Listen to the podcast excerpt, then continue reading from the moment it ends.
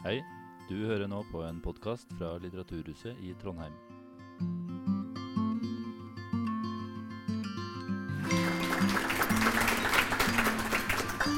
Takk.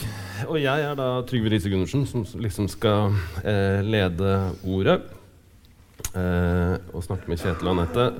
Eh, for å liksom eh, ha sånn full disclosure med en gang, kan jeg da si jeg jobber til daglig som, som redaktør i forlaget Press, og har vært redaktør for Kjetils bok. Det ligger i blodet. Um, uh, og i, festivalen insisterte på at det ikke var noe habilitetsproblem i det, så da får vi bare stole på. Vi får håpe å gjøre det til en, til en bonus. Um, og I tillegg så er det sånn at uh, Anette, som jo primært er her som faglitterær eller forfatter og historiker, du satt i Brage-juryen. Og det ingen visste når vi booka dette arrangementet før sommeren, var at uh, du skulle være med å nominere Kjetils bok til Brageprisen, og det har han nå. Han er nå nominert i kategorien sakprosa som en av årets beste bøker der. Men du har ingen innflytelse over dette lenger. Nå er det en gruppe tilfeldige lektorer som bestemmer, så vi kan snakke fritt om, om alt, egentlig. Eh, men nå er alle liksom interesser eh, erklært. Vi skal snakke liksom om et uh, slags uh, kjernetema, tenker jeg, i, uh, på en sakprosafestival, nemlig hvordan man skriver sakprosa. Og i dette tilfellet hvordan man skriver historisk litteratur, historielitteratur. Jeg tenkte jeg skulle begynne med å spørre dere begge to egentlig det samme spørsmålet, nemlig eh, tenker dere på det dere gjør når dere skriver historie, som litteratur, som litteraturskriving? Kan, uh, vi kan starte med deg, Kjetil. Uh, først ja eller nei, og så uh, forklare hvorfor. Ja. Tja er ikke et Tja er lov, er hvis du utdyper det godt. Njein, som vi sier på tysk. Ja. Um, jeg tenkte da du skrev spørsmålet i e-posten, sånn, nei, det gjør jeg, jeg ikke. Uh, interessant. Ja. Og, så, og, så, tenkte jeg jo, men det er jo litt det du har prøvd å påvirke, påvirke meg gjennom din redaktørgjerning. jeg tenkte litt på at jeg kom jo litt sånn autodidaktisk inn i historien fra medisinen. og er det noe man virkelig ikke lærer på medisin, så er det, eller hvis man kunne skrive da man kom inn på medisinstudiet, så har man i hvert fall avlært det når man er ferdig. Og sånn som anestesilege så var det sånn om å gjøre å skrive sånn å, narkose OK. Punkt. Altså medisinsk skriving er veldig skal være effektiv. Um, å skrive effektivt uh, er jo en dyd på en måte. Altså ikke pakke inn i passive setninger osv. hvis man ønsker å si noe klart. Men så gjennom arbeidet med deg, så um, kan vi komme tilbake til kanskje, men så har jeg jo skjønt at uh, det å si noe klart er jo ikke én ting. Uh, ting kan sies klart på mange måter.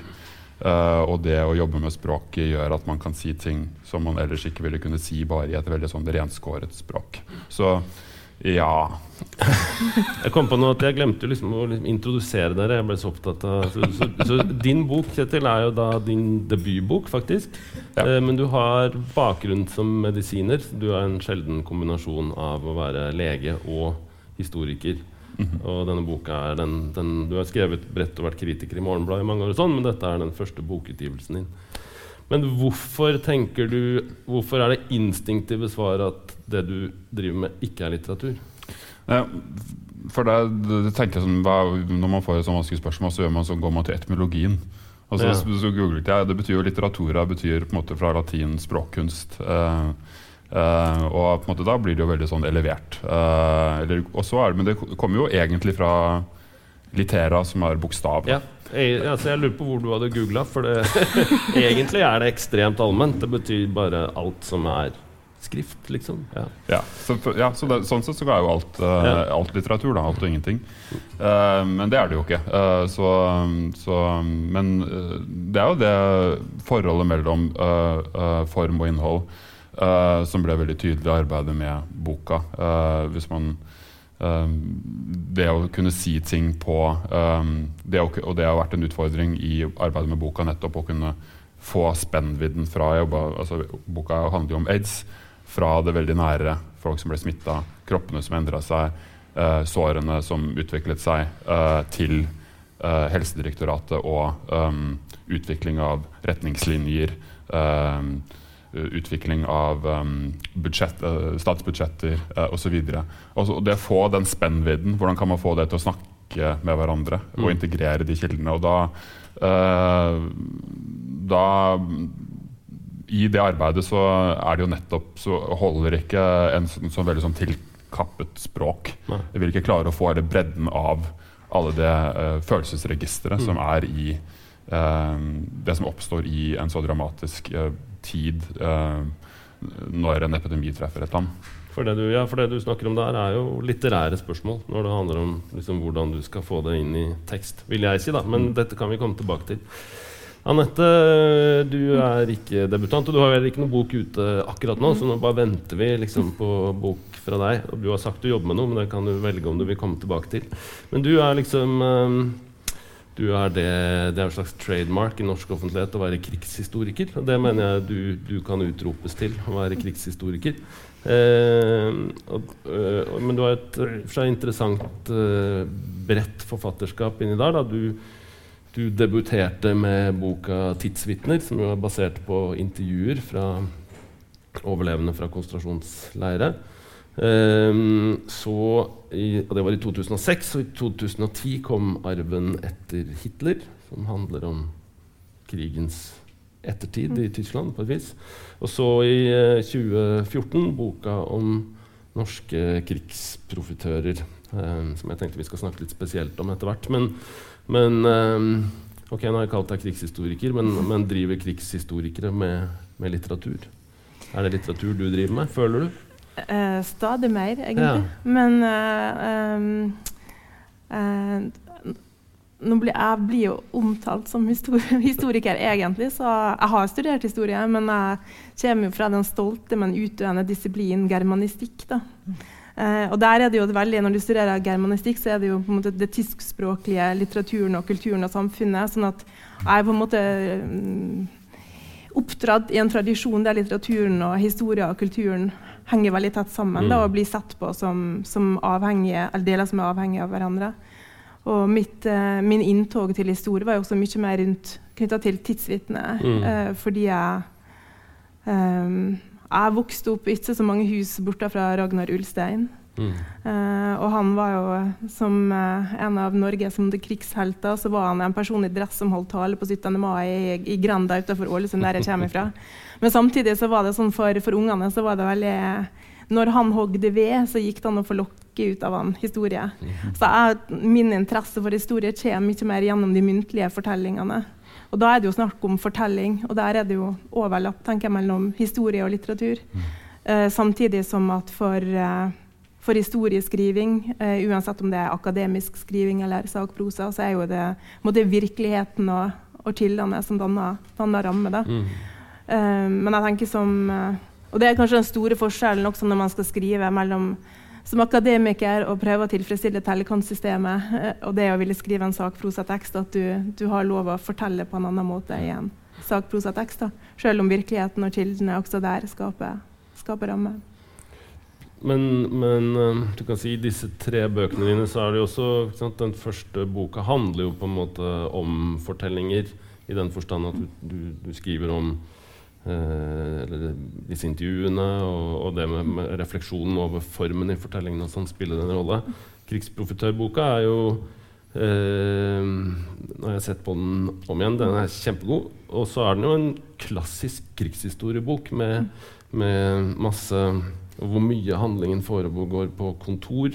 Hvor alvorlige næringslivsmenn liksom tar alvorlige avslutninger, og så durer liksom krigen i bakgrunnen. Men det er ganske langt steg eh, formmessig da, mellom de bøkene. Eh, vil du si noe om arbeidet med den siste? hvordan det liksom, For det, der, eh, ingen vil kunne gjette at du ikke var historiker. Liksom trademark historiker når man leser den boka. Ja, nei, det var jo uh, um, Altså, den boka Det begynner jo i et forskningsprosjekt. Egentlig at jeg så på, uh, på norsk næringsliv under uh, den tyske okkupasjonen. Og så på ulike bedrifter og ulike transaksjoner. og eh, så begynte jeg å snakke om det som der er jo sterkt knytta til, til, Norsk Hydro, men egentlig til den tyske interessen for lettmetall i Norge. Mm. Og snakke med han som var redaktøren min på, den, på Arven av Hitler hos Gyldendal, begynte å snakke om det, det prosjektet um, som da Gyldendal kalte 'krigsprofetet'. Vi var veldig mye diskusjoner om den tittelen. Du, du, Hadde du en egen tittel som ble vraka? Jeg hadde en mye kjedeligere enn ifølge forlaget. ja. ja. Ja, var den kjedeligere, eller? Uh, kanskje litt mer omstendelig. Ja. Uh, og det er jo kanskje litt sånn uh, at Dette med å skrive krigshistorie i Norge, i hvert fall når du skal skrive for et allment publikum, så syns jeg jo at det har blitt en Det er jo en, en egen sjanger og litt det skal enten være en, være en spenningshistorie, men det skal enten være en heltehistorie eller det må ha et tragisk utfall. Men ikke så tragisk at hvis boka blir gitt i julegave, at den ødelegger julestemninga. Det, sånn, eh, det er liksom veldig romantisk å snakke om forfatteren og dens persons tekst, men det er jo et forlag og et salgsaspekt inne i bildet. da. Så, og med det krigsprofitørprosjektet så var det det første tinga jeg skrev rundt det, så var det veldig sånn på den ene sida og på den andre sida. Mm. å prøve å forstå det dilemmaet mellom å holde hjula i gang i økonomien i Norge og mm. det å eh, gå, inngå et samarbeid. Da. Mm. Og da så jeg det at de fra forlaget som jeg satt og skulle snakke om det, de gjespa. Og da sa jeg sjøl ja, men det her er jo egentlig en kriminalhistorie. Mm. Og da var de solgt, og da var det pro problem for meg, for det, da hadde jeg bundet meg på en måte til en viss, et visst narrativ. da. Mm. En viss forventning om det. Betyr det at du føler nå at, den, den, eh, at det er for lite begge sider i den boka? Når jeg le leser den om igjen, så tenker jeg at ah, dette kunne jo vært altså, Det er jo egentlig ganske sjokkerende stoff den handler om. Mm. Norsk Hydros intensive samarbeid med de tyske okkupantene. Mm. Liksom de, det, er nesten, Man dekker ikke å feie gatene i Oslo liksom, mm. før de første møtene setter i gang. Eh, og du blir forskrekka og indignert når du leser om det. Eh, men du, du ville egentlig ha nyansert det mer? Nei, sånn i ettertid så er jeg veldig glad at de, de presser meg til å ja. gjøre den øvelsen. da. Ja. Eh, eller de pressa meg ikke, men jeg, jeg snakka meg jo sjøl inn i mm. at jeg skulle gjøre det.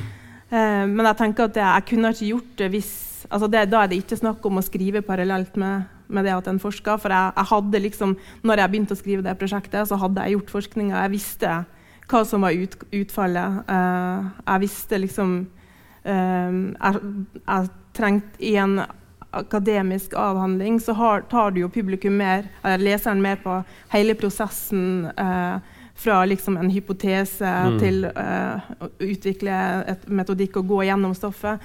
Men mens med den boka så hadde jeg jo mye, jeg visste jo hva som var slutten. Jeg hadde gått gjennom all materialet når jeg begynte å skrive det som ble i boka. Og da gikk det jo an å konstruere et narrativ og si at jeg har kildene som underbygger det. Uh, og så er det forbehold en må ta om at det er ikke alt en vet. Og uh, en må også ta forbehold i, uh, i det at kilder ikke nødvendigvis er entydige. og at man har motstridende kilder og sånn. Men det gikk an å, å lage den, den historien. Jeg var veldig det er jo litt det samme som å si at man har et budskap. Og jeg mm. var så sjokkert når jeg, jeg fant det case. Og så er det jo andre som har skrevet om det også. Mm. Um, men uh, der jeg tenkte at uh, jeg var ikke enig med det som var skrevet Nei. før. da. Og at jeg mente at uh, det er ting her som man har vært forsiktige med å, med å si. For å skrive bare, Nå kjenner jeg liksom forlagsidentitet, men å skrive i sånne sammenhenger handler jo også om å være modig ofte. Og da kan man jo som forlag hjelpe til mm. og gi forfatteren det motet til å si det man egentlig vil, da, istedenfor nettopp å ta de de automatiske forbeholdene man vil ta. Men det, det, kan vi vende tilbake til. Um, Kjetil, uh, nå vet jo jeg alt om ditt prosjekt, det er litt rart jeg skulle spørre om det. Men hva, hvis du, hvis du, du begynte å si litt da, om hvordan det er eh, litteratur eller ikke litteratur, Eh, kan du si, si, noe mer? Altså, det er den første den første Vi har liksom pitcha det da, uh, i forlaget som den første store, brede historiske framstillinga av uh, aidsens historie i Norge. Og på et plan er det jo ikke en sånn klassisk historisk framstilling som begynner på et tidspunkt og slutter på et tidspunkt og spenner opp et bredt lerret. men hva slags bok er det, tenker du? Mm. Jeg tenker at Det starta som en litt annen type bok enn da jeg først uh, kontakta deg.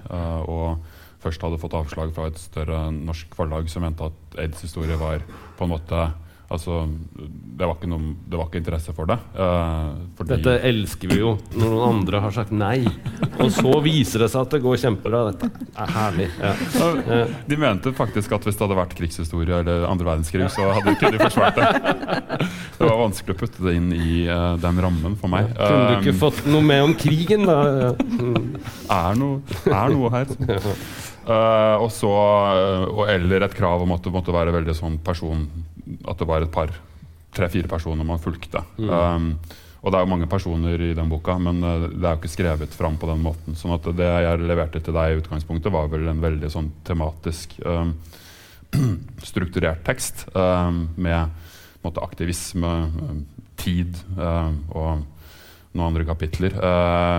og det var jo veldig Du var jo veldig sånn Liker ikke. Så det var, veldig, det var jo veldig fint. Uh, det hjalp meg veldig på vei. For jeg tenkte sånn, et, sånt kronologisk narrativ det skal jeg i hvert fall ikke skrive. Uh, for det er jo kjempeenkelt. Og det var det jo ikke. Det var kjempevanskelig. Ja, For du vil, du, du, var, du vil bevisst ikke skrive et kronologisk narrativ? Nei, for det er noe det jeg har lært da jeg skrev doktorgrad og sånn i um, akademia. da uh, At det på en måte er veldig sånn et slags billig grep eller et eller annet sånt noe og at man måtte, må tematisere det mye mer i det strukturelt. Eh, strukturen må være mer sånn tematisk ordnet for at det skal være akademisk interessant uh, for historikere. Um, og at liksom det å skrive mer og, Men det jeg skjønte i arbeidet med deg og, og press, da, um, var jo at det å um, det er jo egentlig veldig nær knytta til det å jobbe historisk, uh, hvis man faktisk ønsker å forstå jeg skriver om tjukkheten, altså thickness eller the thick description. også, mm. uh, med Gertz fra antropologien, altså applisert på et historisk uh, felt. Uh, at man virkelig ønsker å gripe det, selv om man selvfølgelig aldri kan gripe det mm. fra, fra nåtida. Det tjukke øyeblikket. Liksom. Det tjukke øyeblikket. Ja, ja. Så er det å jobbe med den spenninga som ligger i et narrativ eller en kronologi, faktisk uh, kjempeutfordrende. Mm. Um, og aldri måtte falle for fristelsen å måtte applisere hele tiden vår kunnskap i dag på en så dramatisk tid fordi uh, jo aids var i veldig, veldig lang tid Uh, bare usikkerhet knytta til alt man ikke visste. Mm. Uh, man visste ikke at det var et virus, man visste ikke at det var en sykdom som var dødelig nødvendigvis. Man visste ikke hvordan det smitta, man hadde ikke medisiner. Uh, og det er veldig lett å på en måte også det med retrospektivt å liksom fordele skyld og, for, for, fordele skyld og ansvar. Uh, på en måte, hvorfor handlet fortidens mennesker som de gjorde? Uh, og det er hele tiden noe man gjør sett fra nåtidsposisjonen. Så det å prøve å, selv om det er jo selvfølgelig umulig, å leve seg inn i datidens univers på et vis, men hele tiden å ha det som en slags ambisjon det var utfordrende, men det hjalp også nettopp det å strukturere rundt det kronologiske. Um, uh, og, og, og, hele tiden holde fast i måte, hva visste man på dette tidspunktet, og de, alle de ulike formene for kunnskap som uh, sirkulerte i forskjellige typer uh, offentligheter. Um, så um, jeg vet ikke om det var svar på spørsmålet. Det var et svar på spørsmålet. Det var veldig sånn, sånn For meg som redaktør var det litt spesielt, for det var egentlig en, et helt ferdig manus som kom før vi hadde begynt å jobbe. Og så um, var, vrengte vi det jo liksom som en vått uh, rundt. Sånn at det ferdige manuset var inni der, men ble til noe helt annet på den andre siden. Det var, det var gøy. Vi, vi kan si mer om det, men jeg tenkte vi skulle prate litt om om prosess, da. Uh, uh, Anette, du sa uh, Klokkeriksprofitørboka at du hadde liksom stoffet, og så mm. skrev du det. Og det er i hvert fall liksom, kanskje min fordom da, ut fra sånt som man prater om skriveprosessen i, i, Nå kommer det jo fram ingen av dere Ingen av oss er egentlig historikere. Dette er bare juks. Eh, du er germanist, eh, Kjetil er medisiner, jeg er litteraturviter. Vi bare, vi bare bløffer. Men, men uh, i min fordom om hvordan norske historikere snakker om skriving, så er det liksom sånn man rydder stoffet og putter det i bokser og sånn, og så bare liksom anretter man det uh, i teksten som en buffé til slutt. Men er det sånn det faktisk er i praksis? Det hørtes litt ut på deg nå som det faktisk var litt sånn, da, at du, du gjorde all forskninga først, og så skrev du den ut etterpå? Um, på det prosjektet så var det litt sånn, men du kan jo si at jeg skrev jo underveis, for jeg har skrevet sånne kjedelige vitenskapelige artikler mm, ja. også. Uh, men uh, Uh, på det prosjektet Ja, den boka ble jo liksom til pga. forskning, og det var ikke gitt fra starten av at det skulle bli en sakprosa, mm. sakprosabok. Eh, da er det kanskje litt annerledes med den arven etter Hitler om måte, Tyskland sitt oppgjør og omgang med hvordan nazitida prega Tyskland etter 1945. Da. Mm. At der, eh, det var en idé. Eh, og da hadde jeg allerede kontakt med, med forlag og, og for, altså Pga. den tidsvitneboka og snakka om at jeg hadde en idé om at man kunne skrive om det. Og det var, også, det var liksom, på den tida så var eh, og det var, altså, det var, en del diskusjon i norsk presse om det framstillinga av Tyskland. Fordi mm. det var det her var jo sånn rundt 2005-2006, så var det uh, stiftelsen Hvite busser. Det var veldig mye sånn uh, som i dag, det her med reisende til dokumentasjonsreise til, mm. til uh, tidligere tyske konsentrasjonsleirer. Og den, den norske kulturattachéen på ambassaden i Berlin gikk vel ut i pressen og sa at det her er formidlet feil bilde av, av Tyskland. Uh, man må slutte å snakke om krigen. Og for meg så var det sånn, det er jo ingen som snakker så masse om krigen som, som tyskere. Ja. Ja. Eh, så da hadde jeg liksom en idé, men det var mm. veldig sånn uklar hvordan boka skulle se ut. Og der var det også sånn at jeg, jeg leste og gjorde Det var nå skrev jeg mye mer rykk og napp. da. Mm. Og jeg leita mye mer etter eh, hvordan jeg skulle klare å formidle det uten at det ble veldig deskriptivt. da. og det var Eh, det deskriptive, tross alt, og beskrivende er mye mer til stede i den vitenskapelige skrivinga. Uh, mens du må uh, I hvert fall følte at det var det som ble formidla til meg, som var forventa av en sakprosatekst, at uh, du skal vise det, du skal ikke mm. fortelle om det. at jeg leita, jeg prøvde ut Jeg skrev kapitler på veldig forskjellige måter og skrev veldig masse mange flere sider enn det som ble i boka til slutt. Da, mm. og lete etter måte hvordan man kunne gjøre et Altså jeg har liksom tenkt Uansett hva man skriver om, så må du jo finne en måte å formidle det som, som du får med det publikum på. Og jo lengre vekk, eller jo større distanse det er mellom publikum eller leseren din og det du skal skrive om, jo mer må du på en måte hjelpe mm. til å, å, å, vise hvordan det lerretet kan se ut, men samtidig ikke lukke muligheten for at leseren kan tolke det på en annen måte. Mm.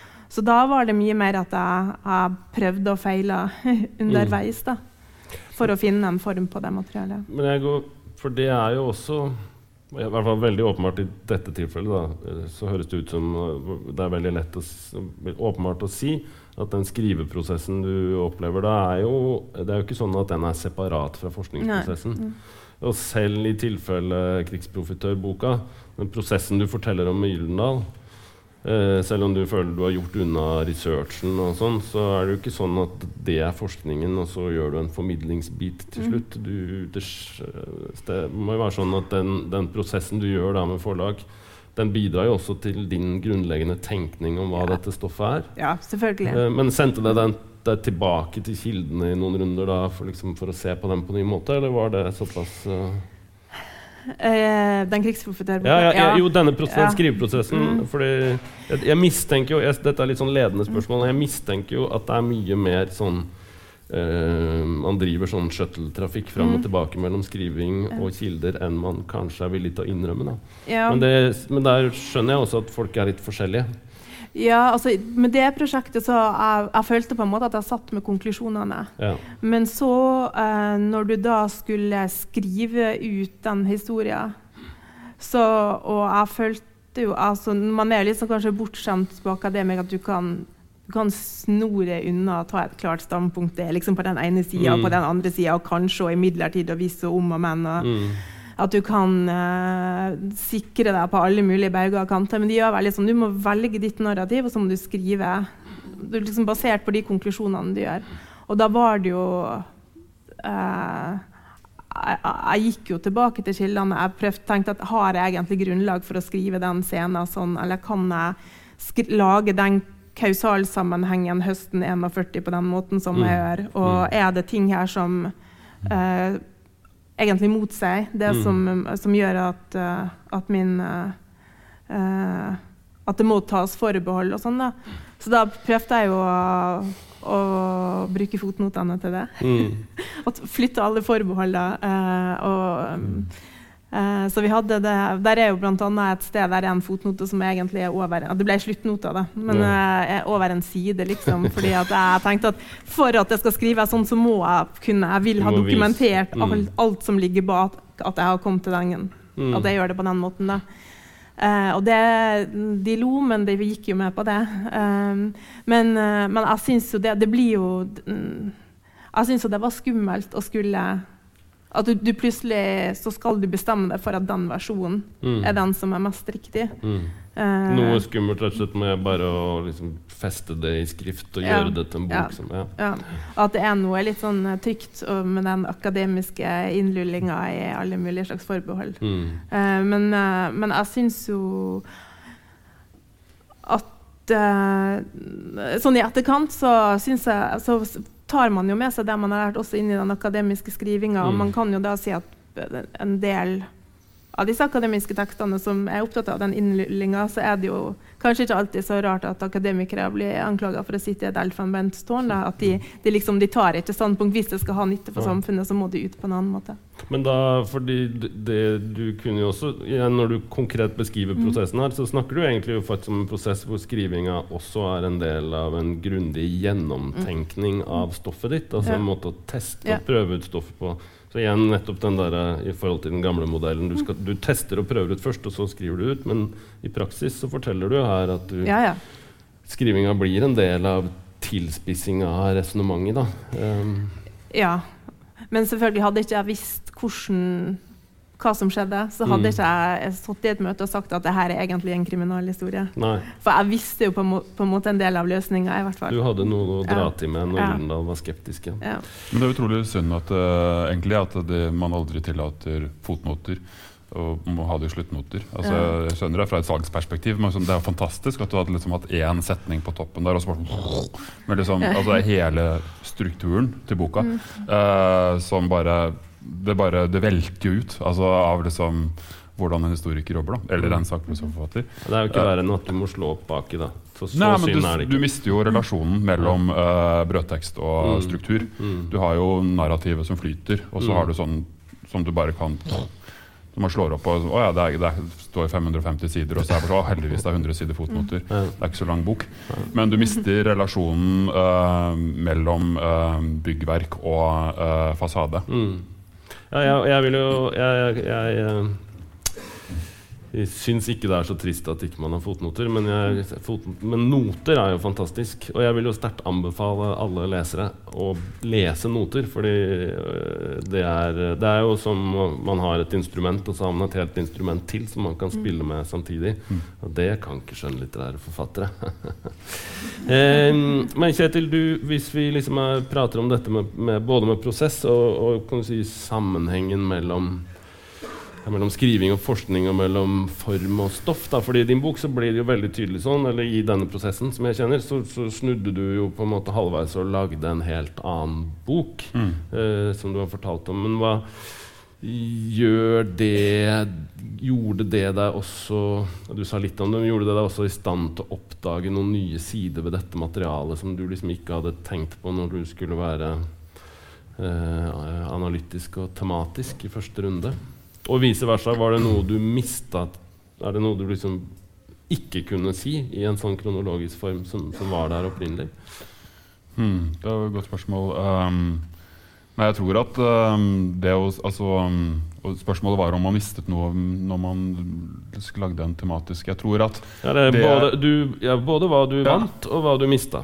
Ja. Ikke du, som en ren formidling, men også på en måte ja, jeg, jeg, jeg, husker at du fikk litt kalde føtter når jeg skrev på sånn Trygve, jeg har, jeg har uh, omarbeidet hele manuskriptet. det er sjelden en god nyhet. Ja. Mm. Men det gikk veldig bra i ditt tilfelle. Ja. Uh, jeg tror at Den er jo fagfellevurdert, uh, boka, og det var viktig for meg også å få den vurdert av historikere.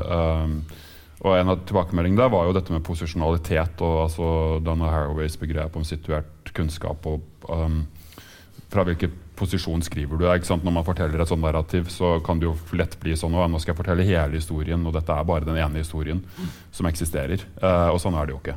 Uh, sånn at det lærte jeg jo mye arbeid med deg, at uh, det å også kunne snakke om jeg som jeg-form som, som, forfatter, og kunne løfte fram arbeidet med kildene, usikkerheten og hullene som eksisterer. Uh, gjorde jo uh, Og at det ikke nødvendigvis bryter med narrativet. det bryter med narrativet, men det bryter ikke nødvendigvis med spenningen i teksten. Det var veldig gøy å oppdage. at man ikke trengte å ha det veldig sånn distanserte sånn Her sitter jeg og forteller hvordan det egentlig var type tilgangen til det, men hele tiden det analytiske um, arbeidet, konkrete arbeidet med uh, kildene. Uh, og så er det uh, veldig forskjell på hvordan opplevde jeg hva slags type kildemateriale man jobber med.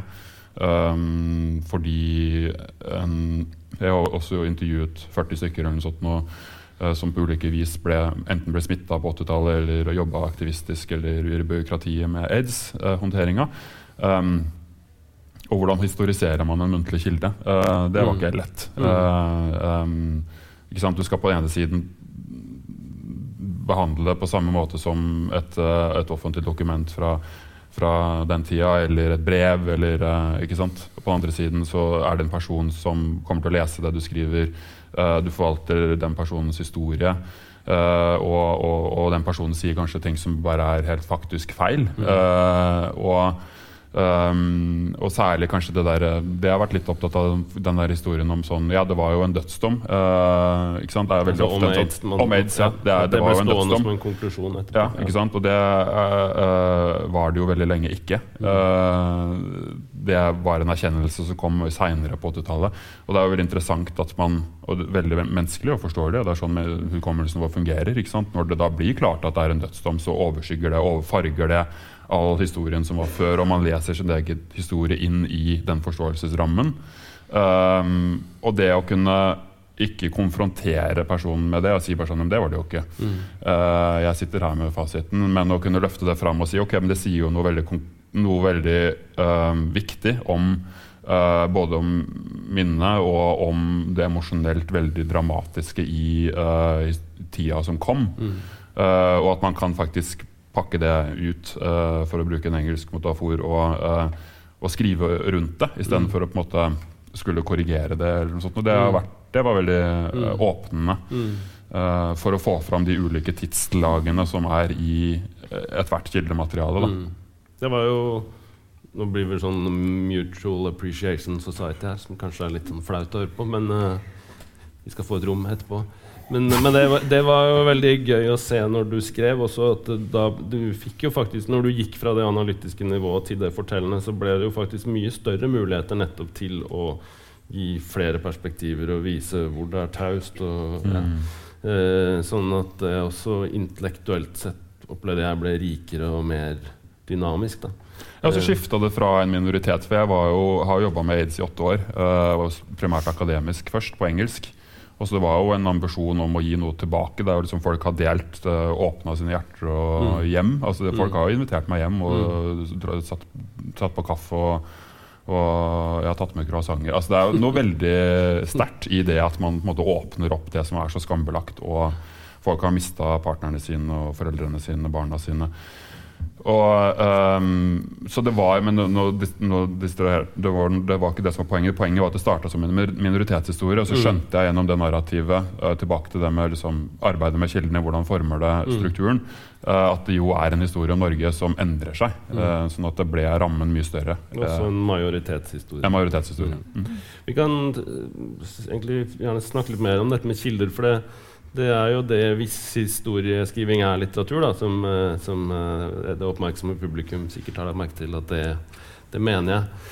Så er det jo spesielt med det som sjanger at det jo handler om uh, det, det, bygger på andre tekster igjen. Uh, en teoretiker som heter Michel de Sartot, som er en av, en av mine favorittskribenter, han sier liksom historiske prosedyren er liksom å flytte stykker med tekst fra én setting, fra et konkret sted, fra en institusjon, arkivet intervjue sånne ting, over i en annen setting, som er den historiske teksten. Mm. Og det er basically det man gjør. Uh, men det med, med kildene er liksom uh, Uten kildene som historiker så er man ingenting. Uh, samtidig Det gir både muligheter, men også begrensninger hvis man, hvis, når man selv skriver. Da. Du, Anette, du har jobba både med muntlige kilder og, og absolutt liksom, døde skriftlige arkivkilder. De der, eh, krigsarkivene tenker jeg som liksom det mest sånn arkivete som fins, omtrent fordi det er sånn ekstra skummelt og hardt. Og. Hva, hva, er den litterære erfaringen liksom, i, i i bredden Ja, du starta med Ragnar Ulstein og de personlige historiene som kommer når han hogde ved. Uh, og, og over til de tingene du finner i arkivet. Hvilke muligheter gir det for deg som Muligheter og begrensninger gir det for deg som skribent i det, i det spennet? Altså En ting er jo det man faktisk finner i arkiv, men det er mye verre med det man ikke finner. Ja, ikke sant? uh, av, og det er jo særlig i forhold til, til, til krigen. Sånn, det er jo Eh, det er jo arkiv som ble ødelagt i krigens siste fase eller gjennom bombing f.eks., der mm. materialet bare er borte. Men jeg synes jo, uh, Og det er jo på en måte da hvordan du skal Når du har for dårlig dokumentasjon, eller du, du har hull i dokumentasjonen, hva du gjør da, det er jo en ting. Men jeg syns jo, jo, egentlig at arbeidet med muntlige kilder er eh, på en måte vanskeligere mm. på den eh, fordi Og særlig Altså, det er jo jeg tenker kanskje en likhet med det materialet. Det er jo en veldig sårbar historie da, når du skal mm. intervjue personer som har sittet i, i, fangenskap, eller familier som har mista noen eh, i, i, fangenskap. Eh, og sånn som det tidsvitneprosjektet. Og eh, det var noe av rent naturlige generasjonelle årsaker, så var jo mange av de gamle når jeg begynte å snakke med dem. Og, men jeg var jo veldig heldig. For 20 år siden så var det jo Jeg, jeg jobba i Sachsenhausen på det tidspunktet. Det var et internasjonal gruppe. altså Det var ganske mange overlevende fremdeles som var der. Men det, jeg syns det var mye mer utfordrende å skulle jobbe med det materialet. Både det å gjøre intervjuer, fordi du, du vil jo gjerne ha historier. og det Samtidig som du ser at hvor vanskelig det er for de å fortelle. Og så er det også det øh, Altså det, det å sitte der ofte, også Folk åpner sine hjem. Det, mm. jeg har både gjort gjorde de fleste intervjuer hjemme hos folk, og ikke i Saksenåsen eller andre steder, fordi det er så mye mer ømfintlig. da. Mm. Uh, men uh, Og det å, å, høre de fortelle, og du vet at det er vanskelig for de å fortelle. og uh, Så når man skal fortsette, så får man telefon om at noen har hatt mareritt og vil mm. gjerne utsette neste møte. Mm. og og så skal du sitte og transkribere det her og skrive det ut. Mm. Og få deres godkjennelse på materialet. Og, og, det er tungt for de å gå igjennom. Og det er også den, på en en, ting er at uh, ja, de, uh, det er også sånn at folk forteller ting som er feil. altså De husker feil, eller de var jo som regel bare i en liten del av en leir. og mm. på en, no, en del generaliseringer kan være unøyaktige, og sånn, men, men det, å, det, er mye verre det å føle at du ikke har klart å gjengi det skikkelig. Mm. og de også det e, rent etiske. Hvor mye kan du faktisk spørre? Hva mm. kan du spørre om? Og også det om de, de faktisk ting de forteller, eller mm. resonnement som de har, der du tenker at egentlig så bør man beskytte dem mot at det der blir en tekst som andre skal lese. da. Uh, så jeg syns det var mye mer utfordrende, de etiske grensene, uh, for hva man Både intervjusituasjonen og omgangen med materialet etterpå. da. Mm. Um, og også tenker jeg sånn uh, uh, Når man skal skrive om det, at man uh, Og det er kanskje litt spesielt knytta til holocaust, det med å måtte ikke bygge inn estetisering mm. eller dramatiske situasjoner som er kunstige eller ikke berettiget. Altså jeg føler at det er mye mer etiske begrensninger på hva man kan skrive der, enn mm. noen som faktisk da har tjent stort på krigen. Mm. Ja, altså Hvis holocaust-litteraturen er sånn sett det gir andre føringer for hva slags tekst du kan skrive, ja. enn det å jobbe med dette krigsprofitørmaterialet, f.eks.? Jeg syns det. Og det ble jo et valg med den, i den tidsvitneboka. Det var så mye fram og tilbake. Men at uh, um, vi valgte altså vi, Det skrev jeg jo sammen med min biveileder på det tidspunktet mm. på avhandlinga, Jakob Lote, at, at, vi som, at vi har skrevet en innledning, men at vi vi blander oss minst mulig inn i den fortellinga til de enkelte personene. Mm. At vi, eh, det skulle være mest mulig deres fortelling, så er det jo klart at vi har jo stilt spørsmål underveis. Og, og det at det er en intervjusituasjon, det påvirker også måten det blir fortalt på. Men at vi ville prøve at det skulle være At vi ikke sto i veien da, for deres fortelling. Og så hadde vi jo en sånn uh, uh, Hva gjør vi hvis vi vet at noe er veldig feil, og det som blir fortalt? Men det vi kom ja, Hva gjorde dere da? Vi hadde ikke noe sånt veldig konkret Nei, jo... eksempel. Ikke ja. sånn at, uh, altså Det er jo et veldig sånn, kjent eksempel innenfor holocaust-litteraturen. En fortelling av Auschwitz-overlevende Charlotte Elbow som, som forteller uh, og Det blir ofte brukt som eksempel på det med hvor sant er det egentlig tidsvitneintervju. Mm. Um, og hun forteller liksom at uh, hun var sommeren 44 i ferd med å gi opp og egentlig ønska bare å dø og orka ikke mer. Uh, men at hun fikk veldig håp tilbake da det var den aksjonen som altså så alle, alle skorstenspipene på de fire krematoriene liksom, hvor de falt, at det var en motstandsaksjon, og det ga hun liksom, energi til å leve igjen. Uh, og det er jo ikke sant, for det var jo bare ei. Mm. En skorstein som ble ødelagt. Mm. Og det, hvis en historiker gjør den feilen, så er det jo dramatisk.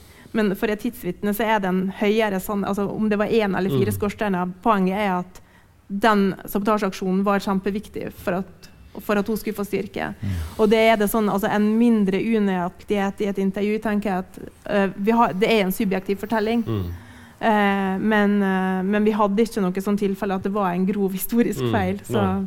Men jeg, jeg, jeg, vi skal snart gå inn for landing, men, men uh, tenker du at uh, liksom, den erfaringa di med muntlige kilder har også prega deg når du kom over på de skriftlige kildene? Så har det gitt deg noe i den?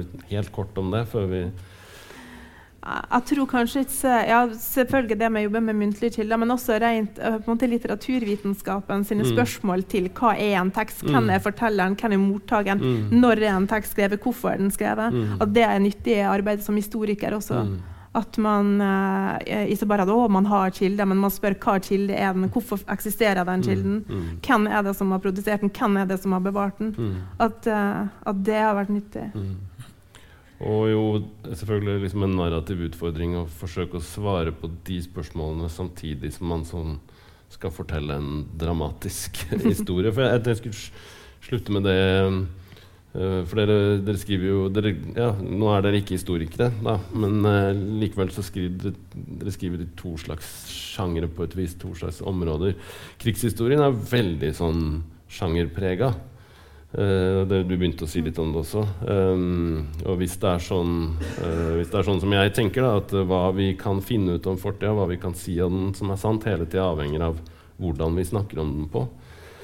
Hva er det liksom måten norsk, historie, norsk krigshistorieskriving liksom hindrer oss å se? Er det noe, hvis du kunne skrevet om dette på en helt annen måte, f.eks. i Krigsprofitørboka, hva ville kunne kommet til syne da? Går det an å svare på det liksom fort, sånn at jeg kan stille et siste spørsmål til Kjetil som ligner på dette. Ja. Hva er det du har drømt om å kunne si liksom litterært, som ikke du har kunnet innafor den tradisjonelle formen? Um, det, det syns jeg er vanskelig å svare på, men det som jeg i hvert fall var redd for at ville gå tapt i den boka, mm. eh, når den på en måte skulle skrives sånn som den ble skrevet, var jo mm. at jeg ikke fikk fram tydelig nok de mange dilemmaene som folk sto i. Mm. Eh, og hvor vanskelig det var, da. Uh, og at uh, det At framstillings... At formen ble sånn at uh, det overskygga at det valget som ble tatt, ikke var lett å ta i alle mm. tilfeller. Mm. Uh, så jeg prøvde i hvert fall å være bevisst på at selv om det er et klart narrativ her, så skal ikke altså det skal ikke, forhåpentligvis ikke overskygge dilemmaene, og det skal mm. forhåpentligvis ikke overskygge at uh, Selvfølgelig er kildematerialet på noen plasser variabelt mm. bra. No, no, på noen ting er det svakere uh, kilde enn andre. Så, og det tenker at, uh, Men jeg var veldig bevisst på at formen ikke skulle ødelegge for innholdet. At det mm. må liksom være uh, Du må velge en form som gjør at du ikke ødelegger innholdet. Uh, og ikke på en måte ødelegger sannhetsgehalten i mm. innholdet. Og du, Kjetil, er det, sånn at, er det en form du har drømt om å ha tilgjengelig for å få sagt noe som, som du ikke har liksom, klart å si, når du ser deg tilbake nå? Ble den Bragepris nominert, altså det har åpenbart gått ganske bra. men Men uh, er det et register som du har savna? Um, det, det, det, vet jeg ikke om jeg vil si at det har vært um, Det er jeg i hvert fall ikke bevisst på nå, og det finnes sikkert. Men uh, jeg vil si at det har vært et veldig stor utfordring å jobbe med hull uh, og mm. fravær av kilder. Mm. Fordi det er en selvfølge at det er makthaverne som skriver historie. Vi, er, vi, har makt som skriver historien og forvalter den, og det er også makthavernes papirer vi jobber med. Uh, og særlig en historie som aids, hvor uh, noen grupper uh, fikk mye oppmerksomhet, sånn som homofile grupper og rusavhengige sexarbeidere i mye mindre grad fikk sine stemmer hørt. Um, og det er paradoksalt at uh, muntlig historie var på en måte en motreaksjon nettopp for å heve opp arbeiderklassefortellinger arbeiderklasse, fortellinger osv. som tradisjonelt har blitt oversett mm. i, i, historikernes uh, fortellinger. Også er de kildene som har vært vanskeligst å rekruttere fordi uh, det er ikke så lett å få folk til å komme til intervju. Det er ikke så lett å komme i kontakt. Mm. Der kan vi slutte, rett og slett. Takk til Kjetil Slagstad, Anette Storeide. Jeg tror bøkene deres går an å kjøpe baki der, så slå dere løs med kortet. Og takk for at dere kom.